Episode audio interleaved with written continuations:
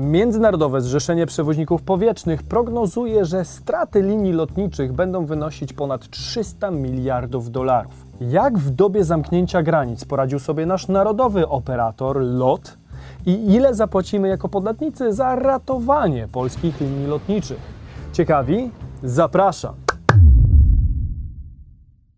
Cześć, z tej strony Damian Olszewski i witam Was serdecznie na kanale, o którym o pieniądzach mówimy ludzkim językiem. Dzisiaj przyjrzymy się bliżej niedoszłym sukcesom linii LOT, o których zrobiło się jeszcze głośniej w styczniu i lutym bieżącego roku, kiedy to okazało się, że wygrali przetarg na przejęcie upadających niemieckich linii lotniczych Condor. Polskie firmy przejmują potężne firmy zagraniczne, bo Condor to linie największe tego typu w Niemczech. Tej wygranej pozazdrościła im również Lufthansa, jeden z ich rynkowych rywali, otwarcie oskarżając ich o niedozwolone praktyki. Można powiedzieć, że była to jedna z dość niewielu symbolicznych bitew między Polakiem a Niemcem, którą mieliśmy już wygrać, aż tu nagle pandemia i powrót do przeszłości. Dlaczego lot musi się wycofać i w jakiej jest teraz kondycji? Z usług polskich linii lotniczych LOT w 2018 roku skorzystało blisko 9 milionów osób. Sam przychód spółki za 2018 był określony na poziomie 6,2 miliarda złotych. Rok do roku przychód oraz liczba pasażerów sukcesywnie rosła do tego stopnia, że w planach na 2020 rok pojawił się pomysł wykupienia niemieckich linii czarterowych Condor, do którego, jak wiemy, finalnie nie dojdzie. Aby lepiej zrozumieć powody takiej decyzji, zobrazujmy sobie, jaki wpływ na branżę transportową miał lockdown. Przyczyną wszystkich kłopotów jest oczywiście panująca pandemia. Po stwierdzeniu nowych ognisk nie tylko w Chinach i Azji Południowo-Wschodniej, ale i w Europie, spowodował drastyczne obniżenie popytu na usługi lotnicze. Zarówno za sprawą obaw pasażerów rezygnujących z podróży do miejsc zagrożonych, jak i za sprawą decyzji rządów wprowadzających kolejne restrykcje w międzynarodowym ruchu lotniczym, aby spowolnić tempo jego rozprzestrzeniania. A jak wiemy z zasad ekonomii, bez popytu nie ma podaży. Dlatego holding Chez Air France, KLM, jedna z największych grup lotniczych w Europie, w maju tego roku realizowała zaledwie 5 do 10% połączeń ze swojej siatki. Natomiast Welcome on board this Ryanair flight. największa tania linia lotnicza na kontynencie tylko 1%. Ile połączeń wykonał LOT? Polskie linie lotnicze od 15 marca do 31 maja bieżącego roku zawiesiły wszystkie loty krajowe i międzynarodowe, realizując wyłącznie 388 rejsów repatriacyjnych w ramach operacji Lot do domu, a obecnie przewożąc swoimi samolotami wyłącznie cargo.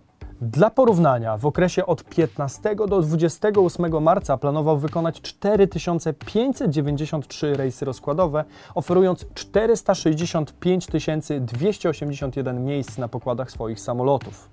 Zakładając, że wskaźnik wypełnienia miejsc, tzw. seat factor, wynosiłby około 75%, to narodowy przewoźnik w tym czasie mógł przetransportować 350 tysięcy pasażerów. Nie ma kupna biletów, a więc nie ma przychodu, z którego można by opłacić koszty poniesione przez linię. Bilans dla lotu w 2018 roku wyniósł w okolicach 208 milionów złotych zysku. Oczywiście koszty operacyjne związane z obsługą połączeń stanowią około 70% wszystkich kosztów. Szczególnie mówimy o kosztach paliwa, które dochodzą do 25% całości, czyli około 1,5 miliarda złotych. Gdy samoloty nie wzbijają się w powietrze, koszty tego rodzaju nie obciążają budżetu firmy. Zostają jednak koszty stałe, które nie są dokładnie podawane, ale możemy je policzyć w granicach 30% z wiadomości podawanych przez spółkę. Są to gigantyczne wydatki, które spółka musi ponieść co miesiąc, mimo braku możliwości zarobkowych. Sam lot szacuje je na około 200 milionów złotych miesięcznie. Co wchodzi w skład stałych kosztów linii LOT? To przede wszystkim koszty pracy, utrzymania sprawności technicznej samolotu, i spłaty rat leasingowych za maszyny, w tym 18 Embraerów od Azula i 5 od Regional Jet. Aż 80% floty lotu nie jest ich własnością, a mają ich w flocie ponad 60. W kosztach jest również wynajem powierzchni czy zabezpieczenie dostaw paliwa, tzw. hedging. Musimy również doliczyć do tych kosztów zwrot za zakupione już bilety na odwołane loty. Unijne przepisy wynikające z rozporządzenia 261 łamane na 2004 stanowią, że pasażer dotknięty odwołaniem lotu ma prawo m.in. do żądania zwrotu gotówki, a na jej wypłacenie przewoźnik ma zaledwie 7 dni. Jak się pewnie domyślacie, w praktyce przestrzeganie postanowień tego rozporządzenia przez każdego przewoźnika stanowi raczej niemały problem z racji skali takiego wydarzenia. W takim razie, jak duże kwoty musiał zwrócić LOT i inni przewoźnicy? Tego nie wiemy, ale o skali może świadczyć stwierdzenie Międzynarodowego Zrzeszenia Przewoźników Powietrznych, które przyznało wprost, przewoźnicy nie są w stanie zwrócić pieniędzy za niezrealizowane loty. W związku z tymi problemami mieliśmy do czynienia już z trzema wnioskami upadłościowymi przez linie lotnicze. Pierwszą ofiarą koronawirusa padł brytyjski przewoźnik Flight, który przewoził 8 milionów pasażerów rocznie, więc liczba obsługiwanych klientów była podobna do linii LOT. Kryzys nie oszczędził również linii, które mają długą i bogatą historię. Otóż swój wniosek zgłosiły państwowe linie lotnicze Kolumbii, czyli druga najstarsza linia na świecie. Avianca, bo to o niej mowa jest członkiem sojuszu Star Alliance, do którego należą m.in. Lufthansa i właśnie PLL LOT. Jej zobowiązania w krótkim czasie wyniosły aż 10 miliardów dolarów, czyli równowartość posiadanych aktywów. 21 kwietnia wniosek upadłościowy złożył również Virgin Australia, należące do multimiliardera Richarda Bransona, a będąca drugą największą linią Australii. Czy mamy podstawy obawiać się, że nasz narodowy przewoźnik może pójść w ślady odpowiednika z Kolumbii? To zależy. LOT jest spółką Skarbu Państwa, a jego jedynym udziałowcem jest Polska Grupa Lotnicza, w 100% należąca do Skarbu Państwa i nadzorowana przez prezesa Rady Ministrów. Można by pomyśleć, że wystarczy jakaś dotacja od państwa i zarząd lotu ma problemy z głowy. Niestety nie jest to tak proste, gdyż już w 2012 roku przewoźnik otrzymał pomoc publiczną w wysokości 527 milionów złotych i przez 10 lat od dnia zakończenia restrukturyzacji nie powinien uzyskać nowych środków od państwa. Od momentu uzyskania dotacji wszystko szło dobrze. Na tyle, aby pod koniec stycznia ogłosić wielki zakup niemieckich linii czarterowych Condor. Zaledwie 4 miesiące wcześniej wakacyjny przewoźnik padł ofiarą bankructwa najstarszego biura podróży na świecie Thomas Cook. Jako zdrowe aktywo został wydzielony z masy upadłościowej i wystawiony następnie na sprzedaż. Transakcja szacowana na co najmniej 2,5 miliarda złotych miała zapewnić Kondorowi bezpieczną i stabilną przyszłość, a naszym liniom dodatkowy rozwój. Czy tak by się stało i czy zakup niemieckiej linii byłby trafionym przedsięwzięciem? To wymagałoby całego odcinka dogłębnej analizy, więc pomijam ten aspekt. Gdybyście jednak chcieli zobaczyć taki odcinek, to dajcie znać w komentarzu. Sam zakup był nie na rękę największemu przewoźnikowi w Europie, czyli Lufthansie, która miała chrapkę na już z nią współpracujące linie Condora. Doszło nawet do skargi na lot przed Komisją Europejską. Niemcy uważają, że polski przewoźnik lotniczy otrzymał nieuprawnioną pomoc publiczną od państwa na zakup, gdyż sam nie miał wystarczających osiągów finansowych. Ale brak na to jakichkolwiek oficjalnych dowodów, więc temat pozostaje jedynie w domysłach. Jak jednak wiemy, do transakcji nie doszło, gdyż zarząd spółki mógł się wycofać z powodu wybuchu epidemii.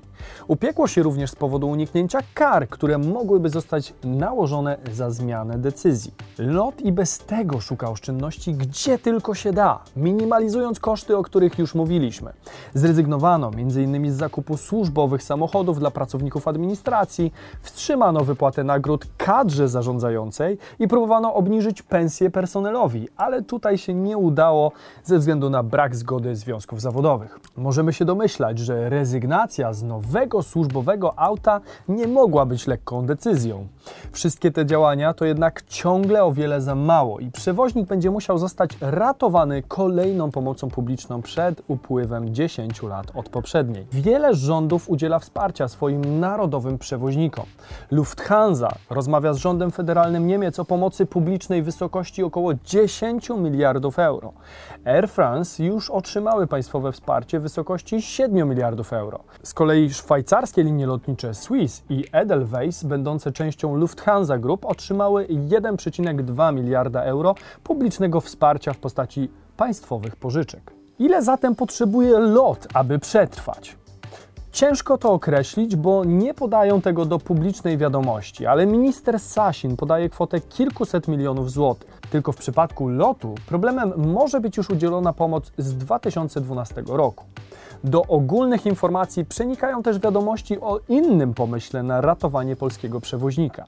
Mianowicie zarejestrowanie nowej spółki LOT Polish Airlines, która jest zależna od polskiej grupy lotniczej, może oznaczać, iż przewoźnik chce przeprowadzić głęboką restrukturyzację. To może oznaczać z kolei całkowitą likwidację etatów i rozwiązywać problem z niemożliwością finansowania przed upływem 10 lat od poprzedniej pomocy. W obu przypadkach odbije się to na budżecie państwa, a w tym drugim dodatkowo na losie pracowników i ich rodzin. Obym nie wykrakał. Pytanie, czy polskie linie LOT wrócą jeszcze do dawnej chwały? Czy też podzielą los innych przewoźników, którzy złożyli wnioski o upadłość? Dajcie znać w komentarzach, a jeśli podobał Wam się ten odcinek, to subskrybujcie kanał klikając w czerwony przycisk tutaj. Ja tymczasem dziękuję bardzo za Wasz czas i liczę na Wasze opinie w komentarzach. Do zobaczenia w kolejnym odcinku. Cześć!